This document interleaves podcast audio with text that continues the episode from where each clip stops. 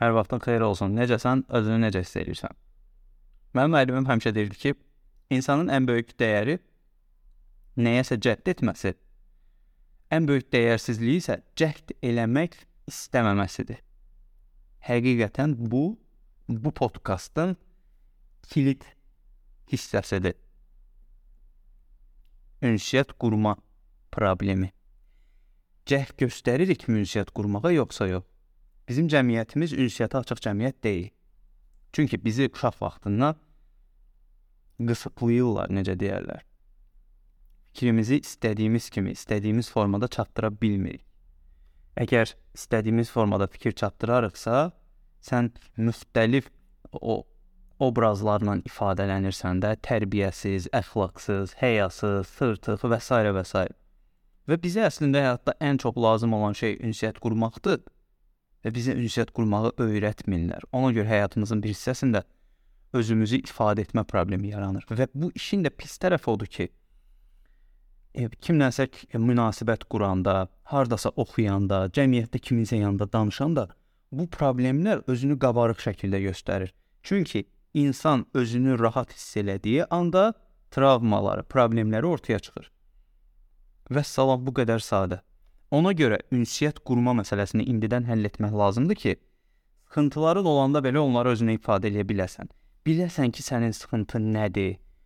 Necə bunları eləyə bilərsən? Nəticəni necə həll eləyib özünü necə formalaşdıra bilərsən? Çox önəmli detallar bunlar. Məsələnin bu tərəfini boş vermək lazım deyil. Ünsiyyət qura bilmirsənsə heç kimə lazım deyilsən. Yəni yəqin görmüsən də Adam bilmir, əmin səni heç nəyi bilmir. Məsələn, tələbə yoldaşın.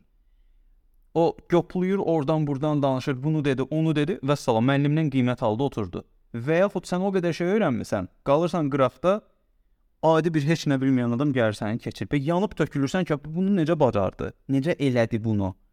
Hamısı səni sıxırdı, amma faktiki olaraq bu baş verən prosesdə də dəyişə bilmirsən bunu. Ünsiyyət qurma problemidir hamısı.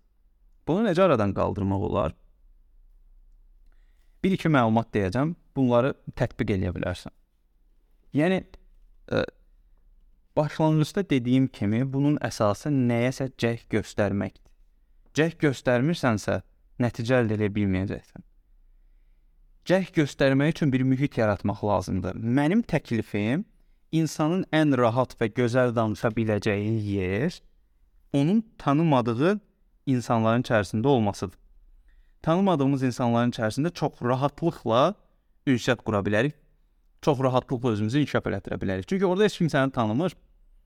Ə, sənə ə, sataşan olmayacaq. Səni linçləyən olmayacaq. Əksinə sənə daha çox qulaq asan olacaq. Məsələ budur. Tanıdığımız insanların içərisində utanırıq, sıxılırıq və s.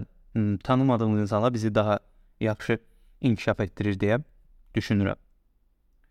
Çoxlu müzakirələr, sosial aktivlik ünsiyyətin əsasında dayanır, sosiallaşmaq. Danışmasan belə sosial mühitdə olmaq. Çünki sosial mühit istəsən də istəməsən də sənin beynində bir şəkildə təsir göstərir. Növbətisi özü ilə səsli şəkildə müzakirələr. Mən çox ünsiyyətçil biri olmamışam. Özümlə amma çoxlu müzakirələr eləyirdim həmişə. Bir mövzunu götürürəm, X adlı bir mövzu və başlayıram onu danışmağa, amma səsli formada, beyninin içərisində yox. Çünki səsli formada danışdığın zaman o ifadə tərzin, ə, artikulyasiya, gestikulyasiya deyirlər buna. Özünü ifadə forman çox yaxşı bir şəklə düşür. Beyninin içərisində onları çox da ifadə edə bilmirsən, amma səsli formada daha qəşəng alına bilir. Çünki səsli formada nə qədər çox ə, bunu ifadə edirsənsə, insanların içərisində müzakirə eləyəndə bu sənə 2 qat, 3 qat yaxşı təsir göstərə bilər və bunu mütləq şəkildə yoxla. Daha sonra mən bax belə bir şey təklif eləyirəm ki, ünsiyyət problemini bu şəkildə aradan qaldırmaq mümkün olar. Özümüz kimi ünsiyyət problemi olan bir insan tapmaq bu təlimlərdə ola bilər, seminarlarda, sosial fəaliyyətlə bağlı olan bütün yerlərdə ola bilər özümüz kimi ə, yəni bəyənmədiyimiz nitqində problem olan insan tapmaq, onunla müzakirə eləmək Daha sonra həmin adamla sosial mühitlərdə olmaq, müxtəlif yerlərdə. Tədbirlərdə, təlim seminarlarda, kitabxana ola bilər və s. və müzakirələr aparmaq. Çünki ikinizin də ortaq problemi var və ikiniz də onu həll etmək istəyirsiniz və bir-birinizə sanki bir sinerji yaradacaq, iki güc birləşəcək və siz daha yaxşı o sıxıntını aradan qaldıra bilərsiniz. Bu ə, məsələ ola bilər. Yəni harada fırlatacaq mövzunu danışmasan danışa bilməyəcəksən. Danışa bilmək üçün danışmaq lazımdır. Nə istəyirsən danış, amma susma. Həmişə deyirəm. Bizə deyirlər ki, susmaq, danışmaq gümüşdür, susmaq qızıldır. Mən deyirəm ki, effektiv nitq brilyantdır. Susmaq heç zaman qızıl ola bilməz. Hə, biri var sən məcbur olaraq susursan, danışmırsan, məcburiyyət qarşısında. Bir də var seçim eləyərək bunu eləyirsən. Sənin nitqin elə gözəl olmalıdır ki, sən özün seçməlisən ki, burada nə deyəcəm, burada susacağam, burada daha yaxşı çıxış eləyəcəm. Bax bu proseslərin hamısı ümumi olaraq ünsiyyət problemini aradan qaldırır. Yəni uzun sözün qısası, nə edirsənsə et, ünsiyyətdə ol. Səsli formada insanların içərisində, beyninin içərisində danışmağı tərk etmək lazımdır yavaş-yavaş. Çünki nə qədər çox danışırsansa özünə qapanırsan. Ünsiyyəti qurmaq lazımdır. Sənin nə bildiyini kiməsə izah etmək üçün danışmağın önəmlidir. Bu qədər sadə. Sualların olsa sosial mediada mənə yazmağı unutma. Təşəkkür edirəm dinlədiyiniz üçün. Növbəti podkastda görüşərik.